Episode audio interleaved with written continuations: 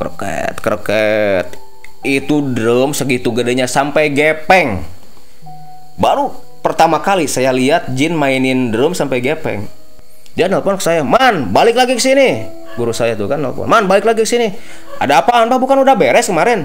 Masalah pabrik beres ini yang punya pabrik yang kena. Kena gimana? Muntah darah dia. Kalau dulu saya itu sering namanya balikin santet. Sekarang saya nggak boleh nggak bisa. Kenapa? Karena apa yang penting orang yang disantet sembuh aja masalah ngehukum si dukun santetnya itu bukan urusan kita. Tanpa kita hukum pun, tanpa kita kembalikan santetnya, Allah pasti akan menghukum. Yang namanya bagian hukuman itu bukan hak kita.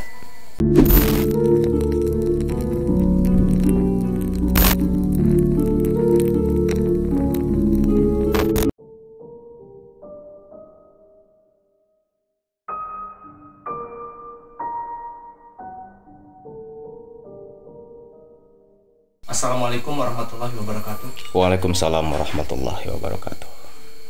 Nah, Kang, e, jadi untuk malam kali ini Kang Maman mau bercerita tentang apa, Kang? Untuk malam ini saya menceritakan tentang santet ya. Santet cuman santet di sini bukan santet ke orang, tapi santet ke tempat usaha. Nah, untuk ceritanya sendiri seperti apa, Kang? Bisa nggak diceritain buat teman-teman Balad Pakuan? Oke, ini kejadian udah lama sih. Ini sebelum saya uh, hijrah ya. Kejadian tahun 2008. Kebetulan sebelum hijrah itu banyak saya nanganin masalah-masalah seperti santet. Seperti itu. Nah, pada tahun 2008 dulu uh, ada salah satu pasiennya guru saya yang terkena santet lah. Jenisnya tuh sejenis santet tanah kuburan, cuman efeknya Eh, benar-benar ekstrim lah kalau menurut saya gitu kan. Soalnya untuk e, tanah kuburan itu nggak sampai seperti itu. Nah setelah ternyata setelah kita selidiki lagi bukan cuman santet tanah kuburan doang gitu. Jadi ini benar-benar si orang yang nyantetnya ini ingin matiin usahanya gitu kan. Nah kejadiannya seperti ini kita sebut aja namanya Tatang ya si korbannya ini Tatang ini tempat tinggalnya nggak jauh dari guru saya ya masih satu desa lah satu wilayah gitu kan Nah, si Pak Tatang ini kan dia punya pabrik tahu.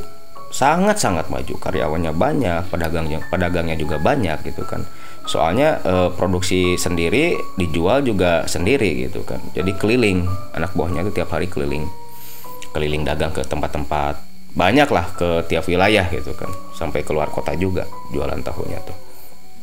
Nah, di lokasi itu yang punya pabrik bukan cuma Tatang, ada lagi sekitar dua pabrik lah yang sama-sama bergerak juga di produksi yang produksi yang sama juga. Sama-sama produksi tahu. Cuman kalah saing dari kualitas dari segi rasa kalah saing dengan Pak Tatang. Hari itu sekitar hari Senin malam malam Selasa habis Isa itu kan malam malam produksi kan. Anak buahnya itu ada sekitar 15 orang lah 15 orang yang kerja di pabrik tuh waktu anak-anaknya lagi kerja ini lagi kerja anak-anaknya ini maksudnya anak buahnya ya bukan anaknya si Pak Tatang. Jadi anak-anaknya Pak Tatang ini anak buahnya itu dengar seperti suara tebaran tebaran pasir di atas genting. Gimana aja seperti pasir jatuh? Pasir jatuh kena ke genting seperti apa suaranya seperti itu kedengarannya tuh dan itu bukan cuma sekali dua kali waktu malam itu sampai katanya eh, ada lima kali lima kali tebaran Nah, saking penasarannya anak buahnya ini yang memang lagi tugas jaga, lagi apa? lihat lagi jaga mesin gitu kan, dia keluar dari pabrik. Pas dilihat keluar, itu ada orang eh, dekat pohon kedong-dong di samping pabrik itu sedang berdiri sambil seperti yang pegang sesuatu lah, pegang sesuatu entah itu apa, soalnya memang agak jauh juga soalnya si anak buahnya ini si orang ini sembunyi kan, sembunyi biar nggak kelihatan sama si orang yang sedang berdiri itu. Nah, sosok orang ini seperti sedang memegang sesuatu dan kelihatan dari jauh tuh seperti ada asap. Ada asap dari sesuatu yang dipegang itu. Kalau menurut saya mungkin itu sejenis tempat bakar atau apa gitu kan. Entah itu bakar kemenyan, entah itu bakar lupa atau apa. Cuman katanya itu keluar asap dari sana. Dan tercium bau harum. Nah, kalau bau harum udah pastilah. Biasanya kalau nggak buhur dupa gitu kan. Atau kemenyan gitu kan. Itu tercium bau harum dari asap itu. Sampai ke jauh sampai ke tempat dia sembunyi. Ya lihatin itu orang lagi ngapain gitu kan. Itu orang lagi ngapain sih? Kok seperti seperti yang mencurigakan? Seperti yang mencurigakan dari mulai tercium bau wangi. Pertama wangi wangi. Lambat laun semakin berubah. Bukan wangi. Pada akhirnya yang kecium tuh yang kecium tuh bau mayat. Bau busuk yang tercium. Bau busuk yang tercium. Nah selang setengah jam setelah eh, tercium bau busuk orang itu menghilang. Nggak kelihatan menghilangnya ke mana sampai dia bertanya-tanya itu manusia atau bukan? Gitu. si anak buahnya Pak Tatang ini manusia apa bukan? Sebut manusia. Kok ngilangnya cepet banget? Kan diperhatiin diliatin. Ini sampai tiba-tiba menghilang aja setelah tercium bau busuk itu. Walau alam lah entah itu manusia atau sosok bangsa jin kurang tahu juga. Nah setelah itu laporan kan ke Pak Tatang. Kebetulan Pak Tatang tiap jam 10 malam tuh ngontrol ke pabrik Nah setelah waktu jam 10 Pak Tatang datang kontrol biasa kan lihat-lihat eh, produksi lihat bahan juga. Nah si anak buahnya ini yang tadi lihat orang lagi berdiri itu sosok yang lagi berdiri langsung laporan ke Pak Tatang. Pak Pak ada apa Jang gitu kan. Soalnya kalau si Pak Tatang ngambil apa manggil ke anak buahnya itu semua ujang gitu kan. Jang gitu kan. Kalau manggil itu Jang Jang itu sebutan buat istilahnya orang yang lebih muda. Orang Sunda bilangnya Jang, Ujang gitu kan. Ke laki-laki. Biasanya sebutnya seperti nama panggilan lah. Ada apa Jang? Gitu kan kata Pak Tatang ini. Itu Pak tadi tuh saya dengar suara kayak pasir di atas genteng tuh. Nah, penasaran Pak. Pas saya keluar itu ada sosok seperti laki-laki dekat pohon kedondong itu tuh Pak yang di pinggir pabrik. Itu lagi berdiri terus pegang sesuatu Pak. Pegang sesuatu apaan Gak tahu lah Pak. Pokoknya dari yang dipegangnya itu keluar asap Pak. Pertamanya wangi Pak. Wangi banget. Kayak wangi apalah kurang tahu. Cuman wangi banget. Tapi lama-lama bau busuk pak. Oh, pak tatang kaget kan? Kok bau busuk gimana jang? Bau busuk pokoknya pak. Kayak bau-bau bangke kayak bau-bau mayat gitu pak lah. Kok bisa? Nggak tahu sih pak. Terus gimana?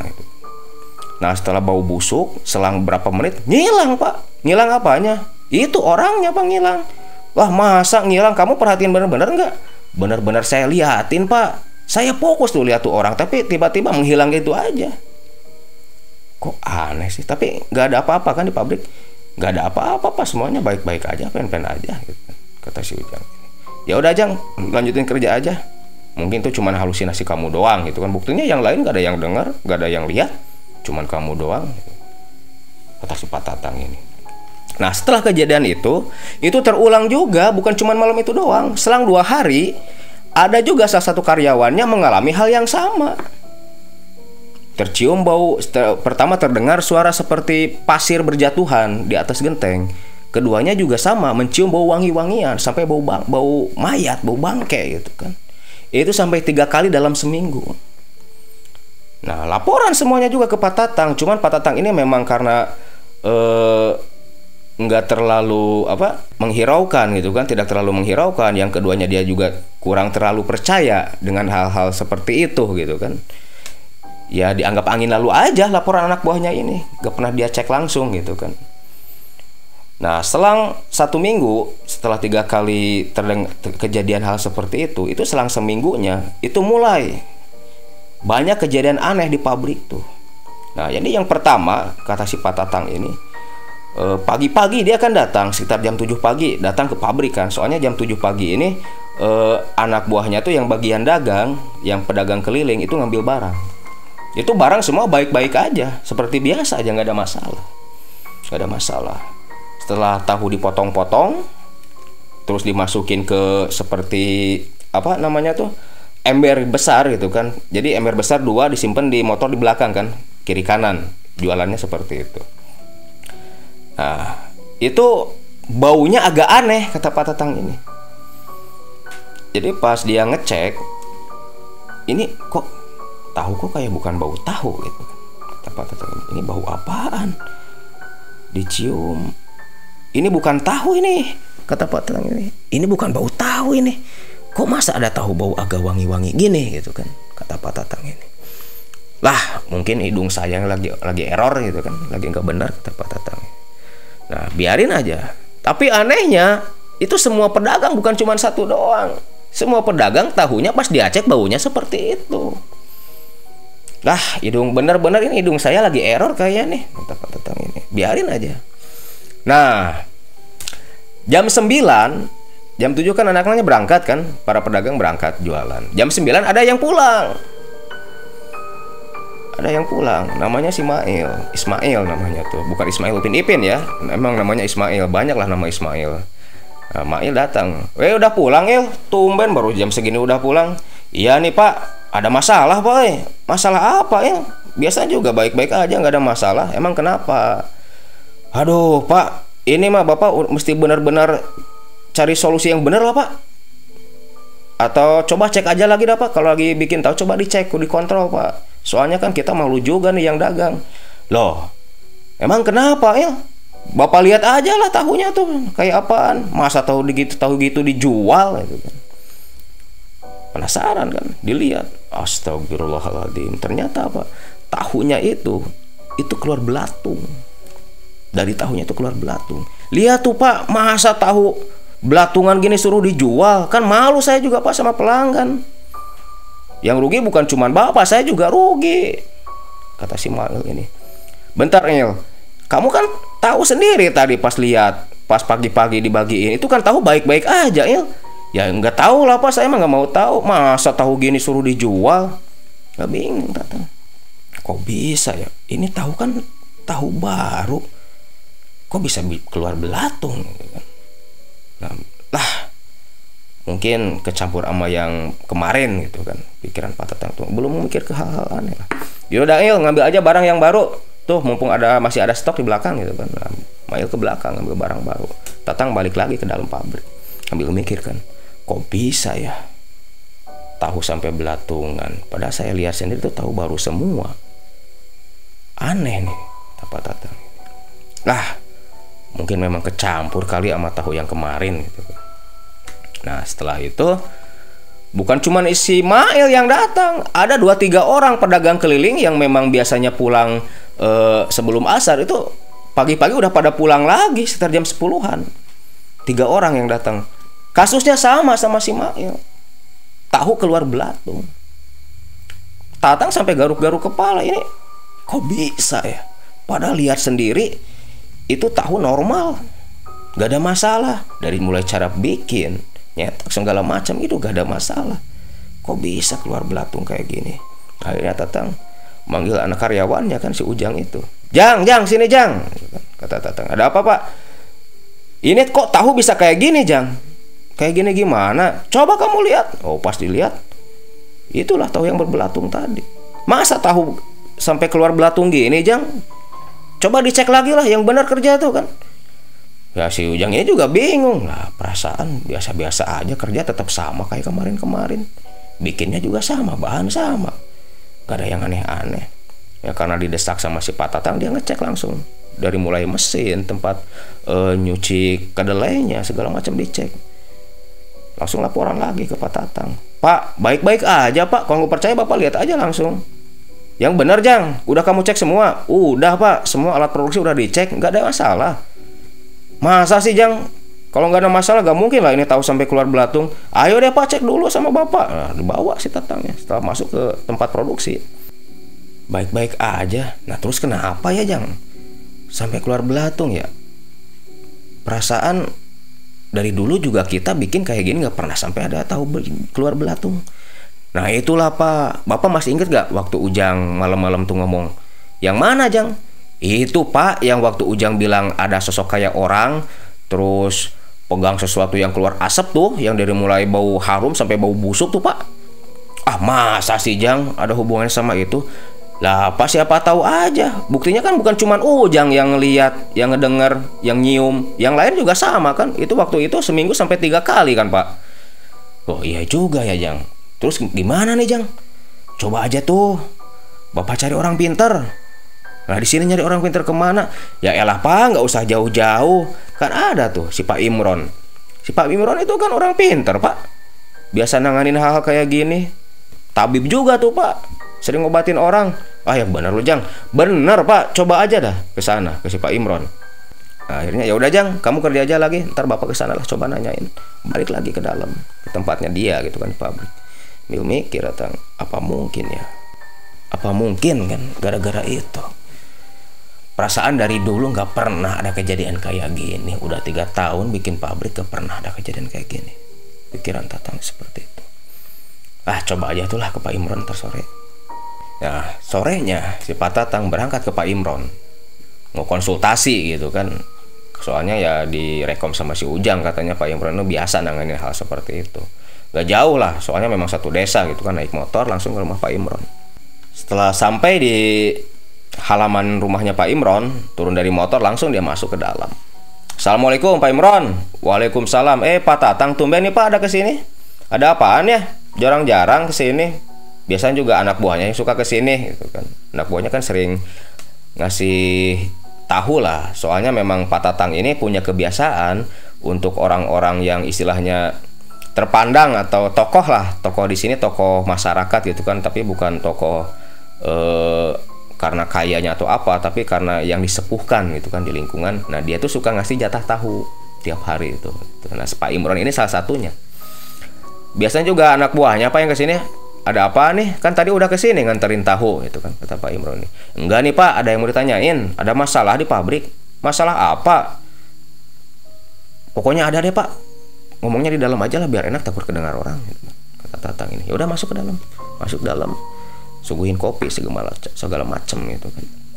Sambil ngerokoknya jadi ada apa nih pak? Kata si Pak Imron ini. Jadi gini pak.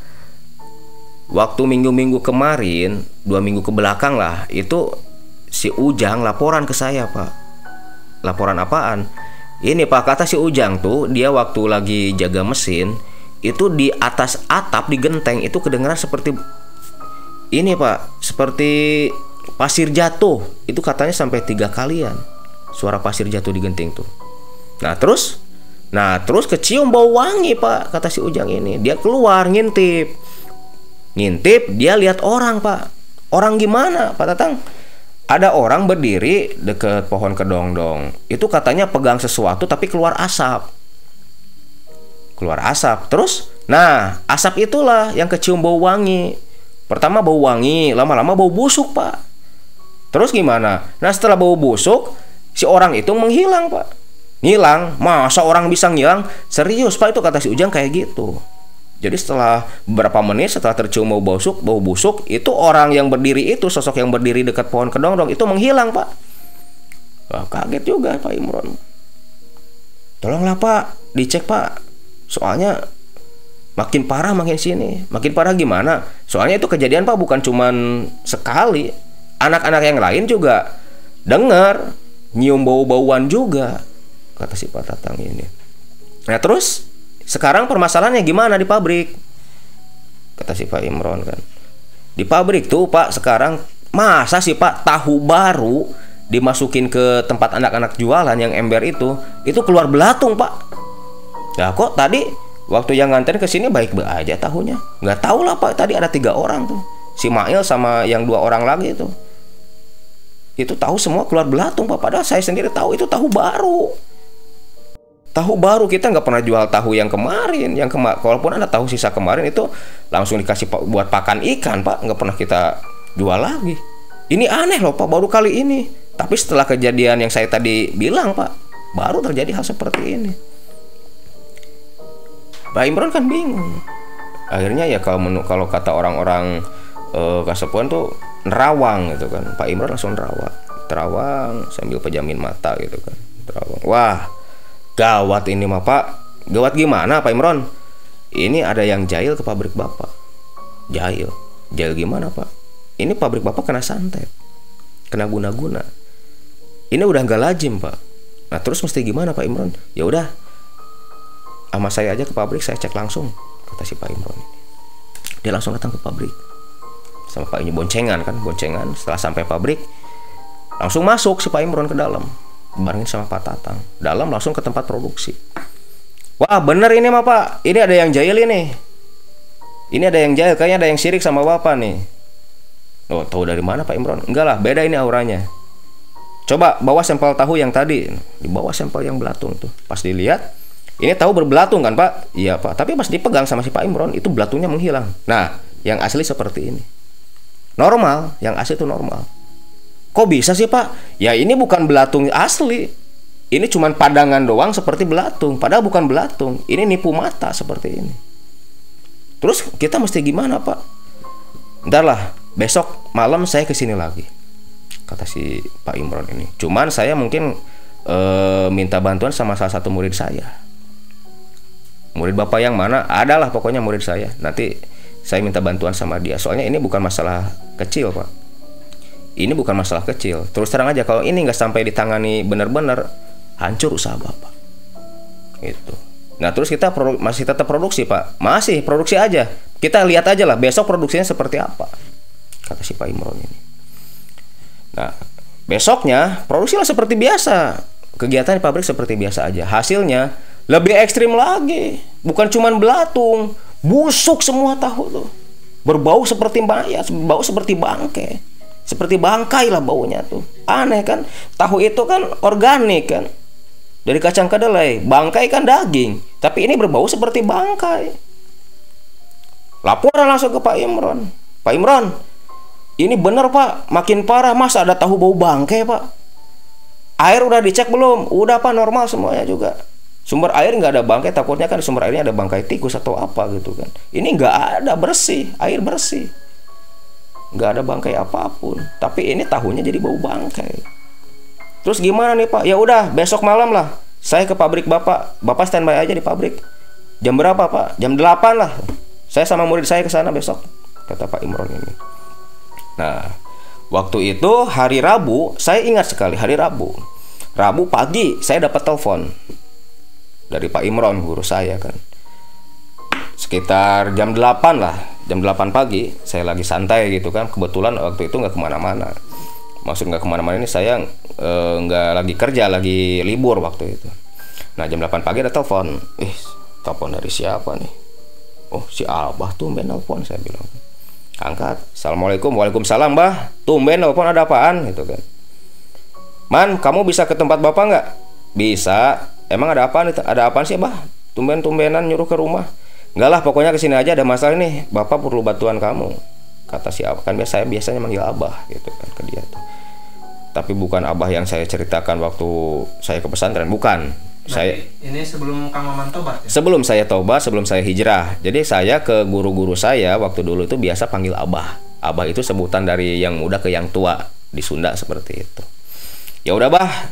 Hari ini juga sekarang saya langsung ke sana deh, Bah. Ya udah abah tuh ya udah bapak tunggu gitu kan kata guru saya nah pagi-pagi jam 9 saya sudah beres-beres mandi ya sebelum mandi saya. Jam 9 saya berangkat naik motor ke sana. Lumayan lah sekitar dua jam dari tempat saya guru saya tuh. Sampai lokasi udah memang saya biasa udah kayak ke apa orang tua sendiri lah kalau ke rumah guru saya tuh. Udah nggak canggung gitu kan. Datang langsung masuk ke rumah ada apaan sih bah? Tumben-tumbenan nyuruh ke sini. Biasanya juga kan saya ke sini seminggu sekali.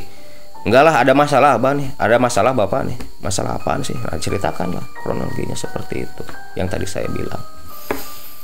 Terus gimana pak pokoknya man ntar malam kita langsung ke lokasi pabrik ke sana. Yang punya pabriknya udah standby di sana. Siap bah. Bawa apaan aja nih bah? Lah nggak usah bawa apa-apa kita cek aja dulu gitu. siap gitu kan oh. langsung malamnya saya langsung ke sana sama guru saya. Saya bonceng kan dari dekat nggak jauh. Nggak jauh lokasi pabrik sama tempat guru saya nggak jauh. Dari rumahnya tuh nggak jauh. Nah sampai di pabrik biasalah lagi pada kerja kelihatan nama saya tuh kan. Ada yang lagi ngayak kedelai ada yang lagi nyuci kedelai ada yang nyetak juga gitu kan. Ngegiling lah sebutnya giling. Gimana nih bah sekarang? Nggak langsung aja masuk. Gitu. assalamualaikum gitu kan kata guru saya tuh Waalaikumsalam eh Pak Imron sama siapa Pak ini yang saya bilang murid saya katanya ke saya kan murid saya gitu kan Pak Imron tuh. Alhamdulillah sini masuk masuk suguhin kopi segala macam emang ada masalah apa ada masalah apa sih sampai-sampai kok saya disuruh ke sini Nah, Pak Tatang cerita, saya pura-pura nggak tahu gitu kan. Nah, cerita Pak Tatang. Jadi gini Kang, gini gini gini gini gini. Dia ceritakan dari awal seperti yang saya ceritakan tadi. Oh gitu. Oh saya udah kayak dukun profesional aja. Sampai guru saya geleng-geleng kepala. Dia nyikut-nyikut saya kan. Nah, kan saya ngikutin abah juga kayak gini kan. Oh gitu ya Pak Tatang tenang aja pak pokoknya kita tangani sampai beres bapak tahu beres aja lah kata saya tuh guru saya aja diam menurut saya yang ngomong jadi juru bicaranya gitu kan terus mesti gimana nih kang maman pokoknya nanti setelah selesai anak buah bapak suruh pulang aja lah. Saya nanti kerjain langsung sama guru saya. Siap kang maman itu kan. Jadi jadi malah saya yang nanganin. Guru saya diam aja sama ketawa senyum senyum gitu kan. Nah setelah itu Pak Tatang kan ke tempat produksi ya. Nyamperin ke anak-anaknya nggak tahu lah ngomong apaan. Terus saya bilang gini perasaan yang dipitain tolong bapak dah. Kok kenapa kamu yang jadi kayak bapak lah kan lagi belajar sama abah juga saya kayak gini. Diam aja dia setelah itu. Tertawa-tawa doang gitu kan. Terus gimana bah sekarang? Ya kita ntar lah cek langsung ke tempat produksi. Kalau udah pada bubar gitu nah selang dua jam produksi selesai anak-anaknya kan pulang. Anak buahnya itu pada pulang. Nah di sinilah mulai ada kejadian-kejadian yang menurut saya ganji bukan ganji lagi ini benar-benar aneh. Saya aja kaget gitu. Baru pertama kali saya lihat yang seperti itu. Jadi pas saya langsung masuk ke tempat produksi ya, ini udah mulai. Benturan-benturan energi itu udah mulai. Kerasa ke badan tuh sesek, sesek banget. Seperti yang ada tekanan energi yang memang memang besar lah. Jadi ke sini tuh terasanya sesak. Sesak. Kita nafas juga kembang kempis gitu kan. Bah kok gini bah? Ini wah parah ini bah. Saya bilang tuh kan parah gimana man? Ini wah parah banget. Masa sama abah gak kerasa gitu kan mungkin ya dia lagi nutup portalnya kan portal tubuh gitu kan. Nah setelah dia buka wah bener man. Gimana nih man? Tunggu aja bah. Ini kayaknya ada yang bakal datang nih saya bilang kayak gitu. Nah setelah saya bilang seperti itu tercium langsung. Kan e, salah satu tanda kedatangan makhluk-makhluk gaib kalau tidak lewat suara itu lewat wangi-wangi bau-bauan lah. Ada wangi-wangian ada juga bau-bau busuk itu kan tergantung jenisnya. Nah setelah saya bilang bakal ada yang datang itu langsung tercium. Bau wangi awalnya bau wangi. Wih wangi banget saya bilang tuh. Kalau nggak salah kalau menurut saya itu wangi kalau nggak salah itu bau bau gaharu. Bau gaharu tapi lama-lama bau pandan yang kecium. Bau pandan sama bau seperti bau e, buah sawo. Nah setelah nyium bau pandan sama buah sawo bah apa man gendarwo bah. Saya bilang gitu kan. Soalnya kalau bau pandan sama bau sawo atau bau ubi yang direbus itu pasti nggak jauh. Gendarwo biasanya nih yang datang gitu kan. Bah gendarwo bah. Gendarwo bentar bah. Tunggu. Ini ada satu lagi bah yang datang saya bilang tuh. Wah bah. Buta bah. Saya bilang itu kan. Itu serius. Itu nggak salah lagi. Ini buta hijau saya nggak salah. Gua bakalan salah. Soalnya yang biasanya ngejalin urusan masalah mesin itu nggak jauh dari buta hijau sosok buta hijau. Nah waktu dulu kan mata batin saya masih kebuka. Jadi lihat bangsa jin itu seperti saya lihat manusia. Gini aja. Karena apa ya di dalam mata saya ada energi jin? Dulu kan. Wah terlihat sama saya itu tinggi besar pakai kolor ya cawat lah cawat gitu kan pakai cawat. Kain yang rombeng-rombeng tuh ah, bener jin miskin saya bilang. Nggak ada buta yang yang namanya buta hijau nggak ada yang nggak yang nggak ada yang ganteng lah nggak ada yang rapih pakaiannya itu cuma pakai kain cawat doang. Bah tuh kan udah dibilangin ini buta bah. Tuh lihat di belakangnya juga kan. Ya kelihatan kan buta genderwo segala macam. Aduh bah ini mah kiriman bah. Ini nggak jauh orangnya nih. Ini masih satu wilayah nih. Ini sih di sini ada pabrik berapa berapa sih? Ada tiga mah kata guru saya ada tiga mah oh tiga ya. Ini saingan usahanya bah. Gak bakal salah nih. Oh, kalau dulu saya berani mastiin langsung tanpa klarifikasi lagi tanpa diselidiki lagi saya berani mastiin langsung. Kalau dulu kan itulah kebiasaan dukun seperti itu. Saya juga dukun dulu gitu kan. Terus gimana man? Santai aja bah. Perasaan kok abah kan guru saya kok menanya-nanya mulu? Saya bilang gitu. Nggak pokoknya masalah ini abah kasih apa abah serahin ke kamu dah. Bapak serahin ke kamu itu kan kata guru saya. Ya udah abah abah tenang aja. Pokoknya abah backing saya aja belakang gitu kan mungkin maksud guru saya ngelatih saya gitu kan untuk menangani hal-hal seperti itu. Cuman saya yang terlalu pede. Gitu kan. Nah setelah sosok-sosok itu datang yang buta hijau sama genderwo itu di pabrik tuh ada drum drum yang terbuat drum yang dari apa besi itu. Drum kayak drum oli yang gede tinggi itu kan. Itu kan dipakai buat eh, nanak air. Buat nanak air air panas itu kan. Nah itu drum tuh jarak dari satu drum ke drum yang lain itu ada 5 meter. Nah setelah sosok-sosok si buta hijau sama genderwo itu datang itu drum yang jaraknya eh, dari drum satu ke drum dua itu 5 meter itu mendekat. Jadi si ini drum ini drum ya. Kedengaran banget keliat banget. Kreket kreket kreket. Alah oi iya buta saya bilang gitu alah oi iya buta ngelek bah saya bilang kan. Alah oi jadi ini buta jahil gitu kan. Lihat bah lihat bah bilang ini si drum kreket kreket kreket. Brak sampai menyatu loh. Menyatu itu seperti yang ditekan. Itu drum seperti yang ditekan. Seperti yang ditekan. Kreket. kedengaran banget suaranya bising banget. Kau patetang di luar gak lihat dia di, di luar itu kan. Kreket kreket itu drum segitu gedenya sampai gepeng baru pertama kali saya lihat Jin mainin drum sampai gepeng Astagfirullahaladzim Bah ini Jin bener-bener bah ini bener-bener bah bikin saya marah nih bah Emang kenapa? Saya aja sakti saya tuh bah saya bilang.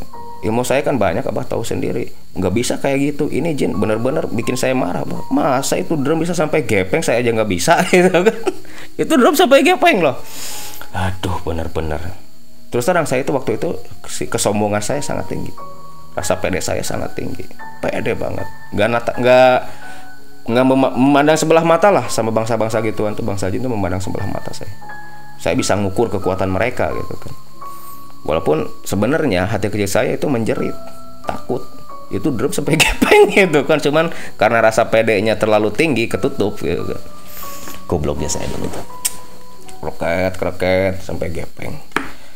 Bah berat ini bah. Saya nggak beraga sanggup untuk malam ini.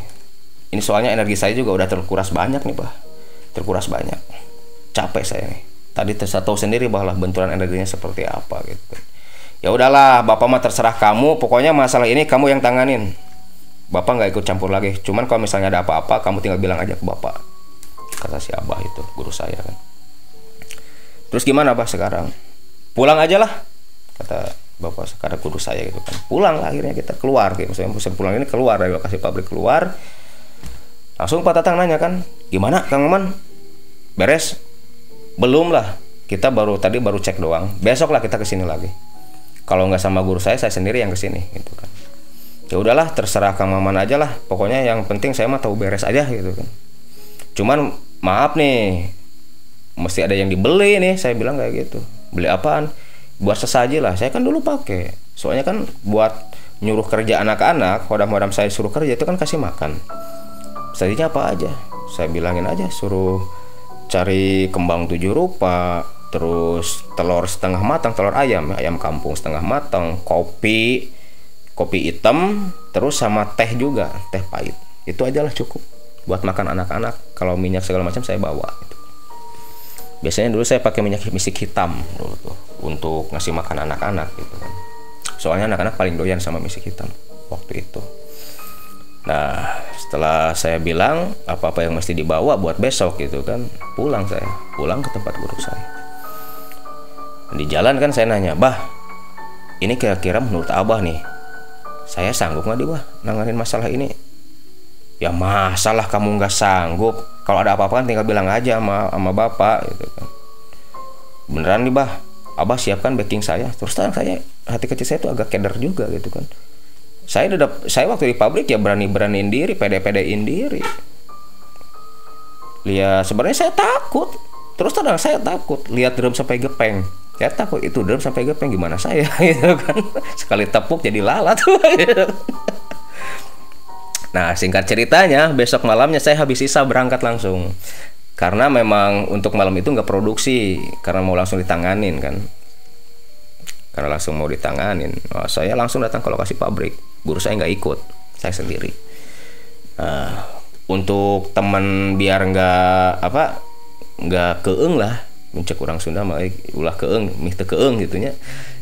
Biar enggak apa biar enggak bukan merinding biar enggak biar biar enggak terlalu takut lah. Saya minta ditemenin sama Pak Tatang waktu itu.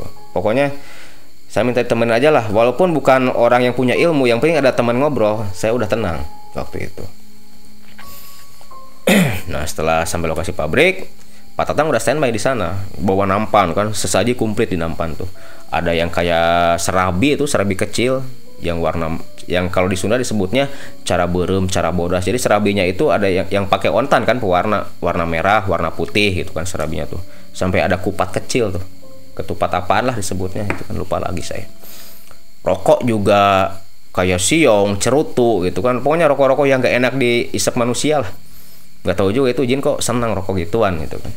Waktu itu saya belum terlalu paham lah hal-hal seperti itu. Nah setelah sesaji siap langsung saya simpan di lokasi pabrik kan tempat ritual.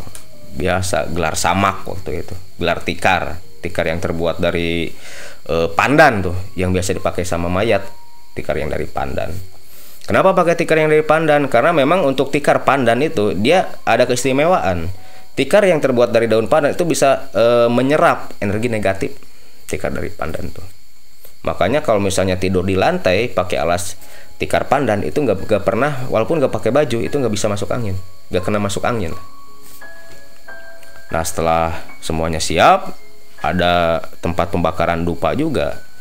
Nah itu saya pakai madat kalau dulu. Madat Turki namanya tuh. Jadi bentuknya seperti eh, pasta gigi tapi terbuat dari kuningan dengan gambar tengkorak.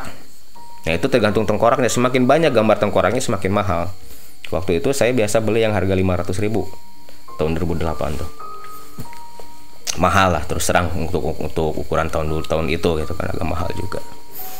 Nah setelah saya siapin semuanya saya bakar tuh si madatnya gitu kan. Bentuk dalamnya tuh seperti aspal. Dalamnya tuh es seperti aspal lengket. Saya colek bakar di tempat bakar dupa keluar asap kan wush wah udah kayak dukun profesional lah. Keluar asap Pak Tatang di pinggir di samping saya. Pokoknya Pak Tatang diam aja ada apa-apa jangan teriak jangan ber, jangan berdiri pejamin aja mata gitu kan. Itu saya pas di depan drum yang kemarin sampai gepeng tuh. Udah diganti baru. Udah diganti sama yang baru.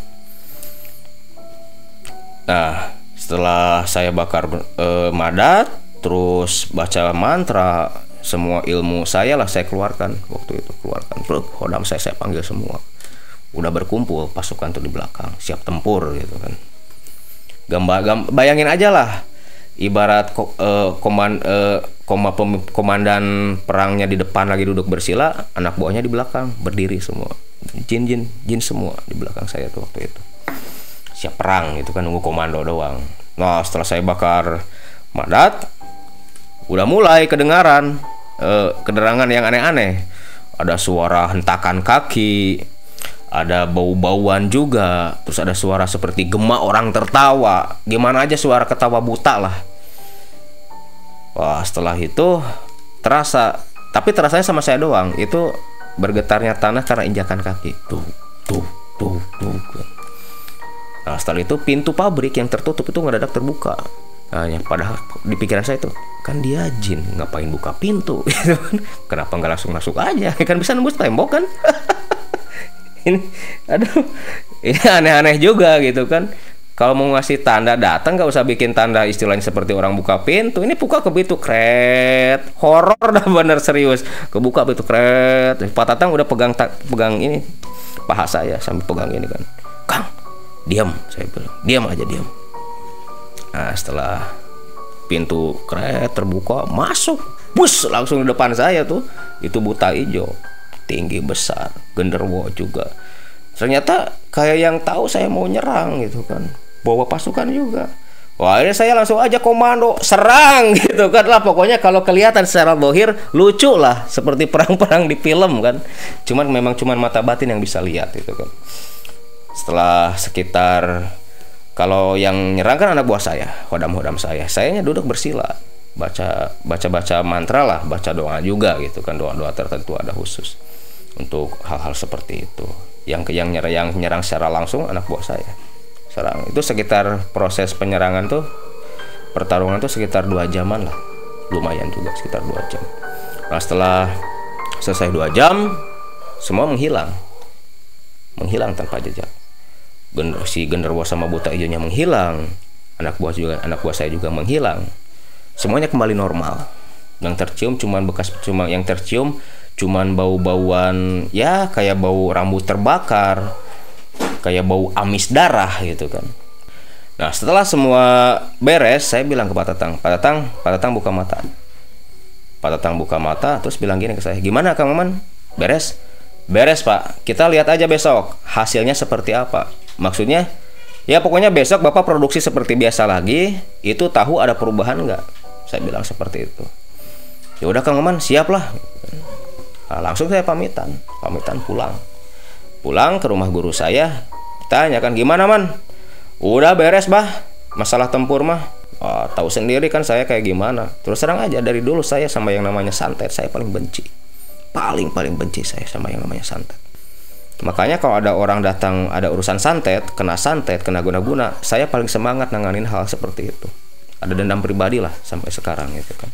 Bukan berarti saya pernah bukan berarti keluarga saya pernah ada yang jadi korban santet tapi apa saya sendiri yang pernah jadi korban santet dulu makanya kalau urusan santet saya paling demen dari dulu paling demen ngurus yang namanya santet. Nah setelah uh, di rumah guru saya, terus kamu gimana sekarang? Ya paling saya nunggu buat bes nunggu besok aja bah. Soalnya kan saya suruh produksi normal lagi, kita lihat hasilnya seperti apa gitu kan. Nah singkat cerita, setelah produksi besoknya saya cek langsung ke sana. Alhamdulillah normal. Yang tadinya keluar belatung, yang tadinya tercium bau busuk normal. Nah, setelah itu beres, saya pamitan pulang ke Pak Tatang. Pak Tatang, ini kerjaan saya udah beres, saya mau pulang. Soalnya saya udah berapa hari nih di sini nggak pulang-pulang. Takutnya orang rumah nyariin gitu kan, saya nggak pamit mau nginep lama-lama gitu kan. Ya udah tuh Kang Maman, makasih banget gitu kan kata Pak Tatang ini. Nah terus saya balik ke rumah guru saya, bah udah beres lah, saya mau pulang aja. Ya udah tuh hati-hati di jalan gitu kan. Kalau ada apa-apa nanti abah telepon lagi. Bapak telepon lagi kata guru saya. Saya pulang. Pulang ke rumah selang tiga hari masalah pabrik beres. Cuman Pak Tatang yang diserang dia sampai muntah darah. Dia nelpon ke saya man balik lagi ke sini. Guru saya tuh kan nelpon man balik lagi ke sini. Ada apaan pak? Bukan udah beres kemarin. Masalah pabrik beres ini yang punya pabrik yang kena. Kena gimana? Muntah darah dia. Wah panik juga saya sampai muntah darah. Takutnya nggak ketanganin kan langsung saya berangkat lagi ke sana. Nah berangkat ke sana langsung ke rumahnya si Pak Tatang. Itu Pak Tatang lagi lemes aja di ranjang terbujur tidur.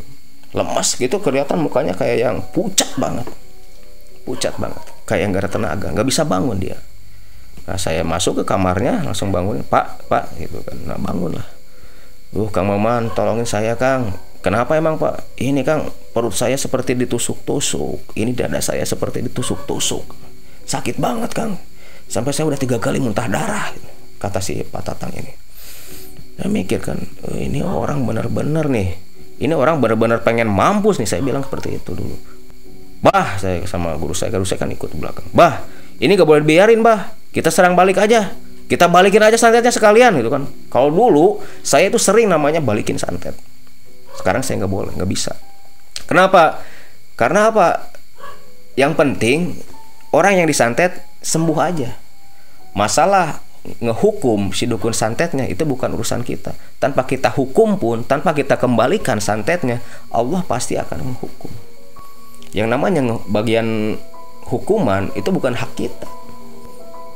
Bukan tugas kita. Allah Allah langsung yang akan menghukum gitu kan. Makanya eh, pasien-pasien saya kadang ada juga, Kang, balikin aja santetnya saya nggak mau, nggak berani. Itu bukan hak saya. Tanpa kita kembalikan pasti akan menuai sendirilah. Siapa yang menanam dia yang menuai kan? Dari mana jalannya kita nggak tahu. Cuman untuk permintaan balikin santet saya nggak bisa. Sekarang saya nggak berani. Kalau sekarang saya nggak berani kalau beda sama dulu lah. Itu yang penting sembuh aja lah gitu kan. Kalau udah sembuh mau ngapala mau ngapain lagi gitu kan. Jangan sampai punya dendam. Seperti itu. Nah waktu dulu mah beda. Kalau dulu pasti saya pulangin. Karena apa? Ada kebencian yang mengakar namanya dukun santet gitu kan. Terus beneran nih man mau dibalikin, balikin aja bah.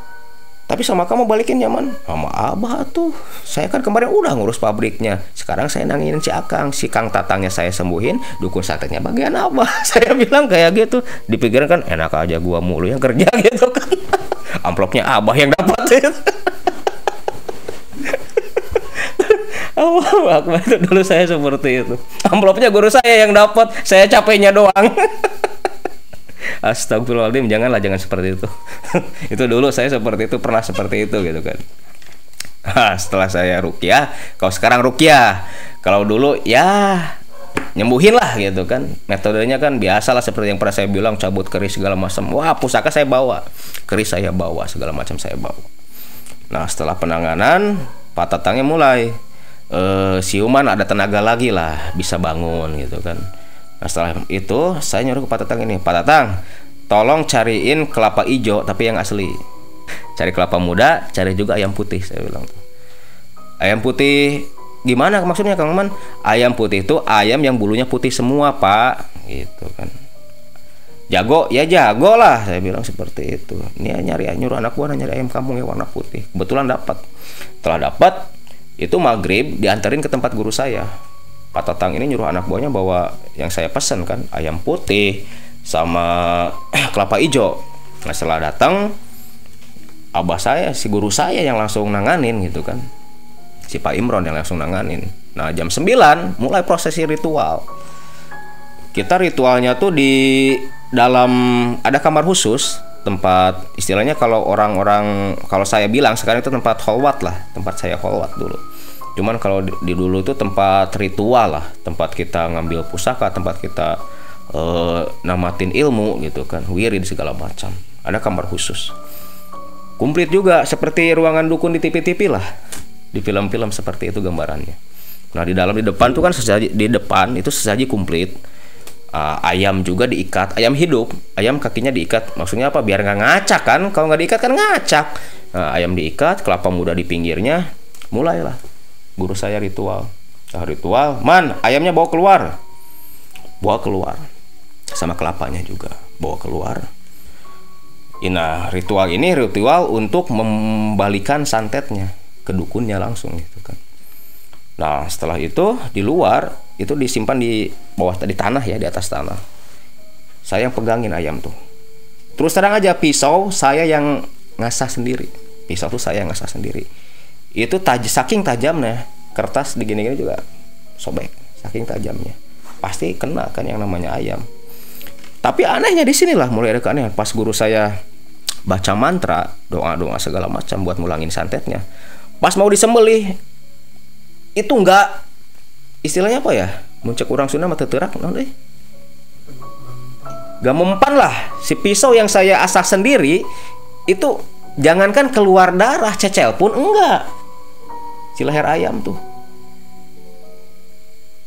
Guru saya kan sampai kaget. Wah ini man bener-bener sakti nih dukun. Emang kenapa bah? Lihat masa ini pisau nggak mempan sampai nggak ada darah setetes pun nggak luka juga kamu coba kamu lihat. Pas dilihat sama saya kan si leher ayamnya. Utuh. Nggak ada goresan sedikit pun.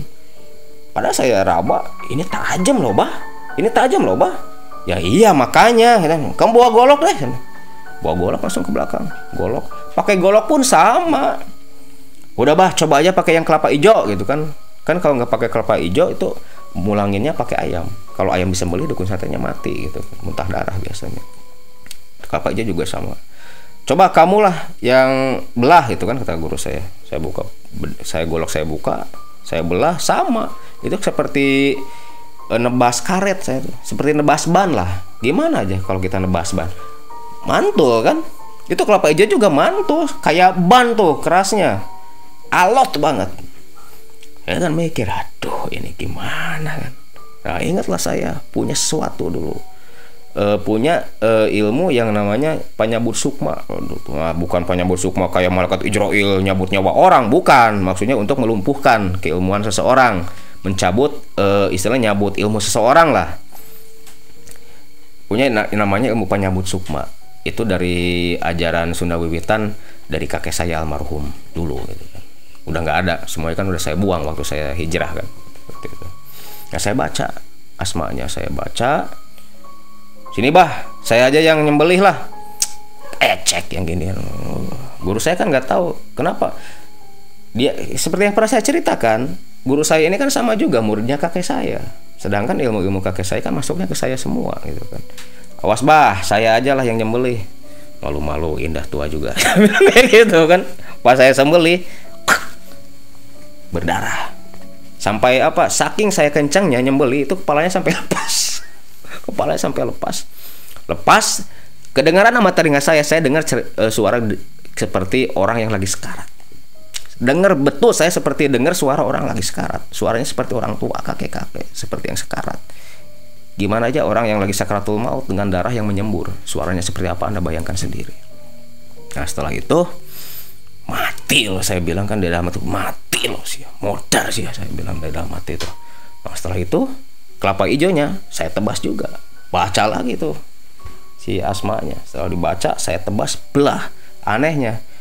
Mestinya air kelapa itu putih kan? Bening. Ini bukan bening merah seperti darah.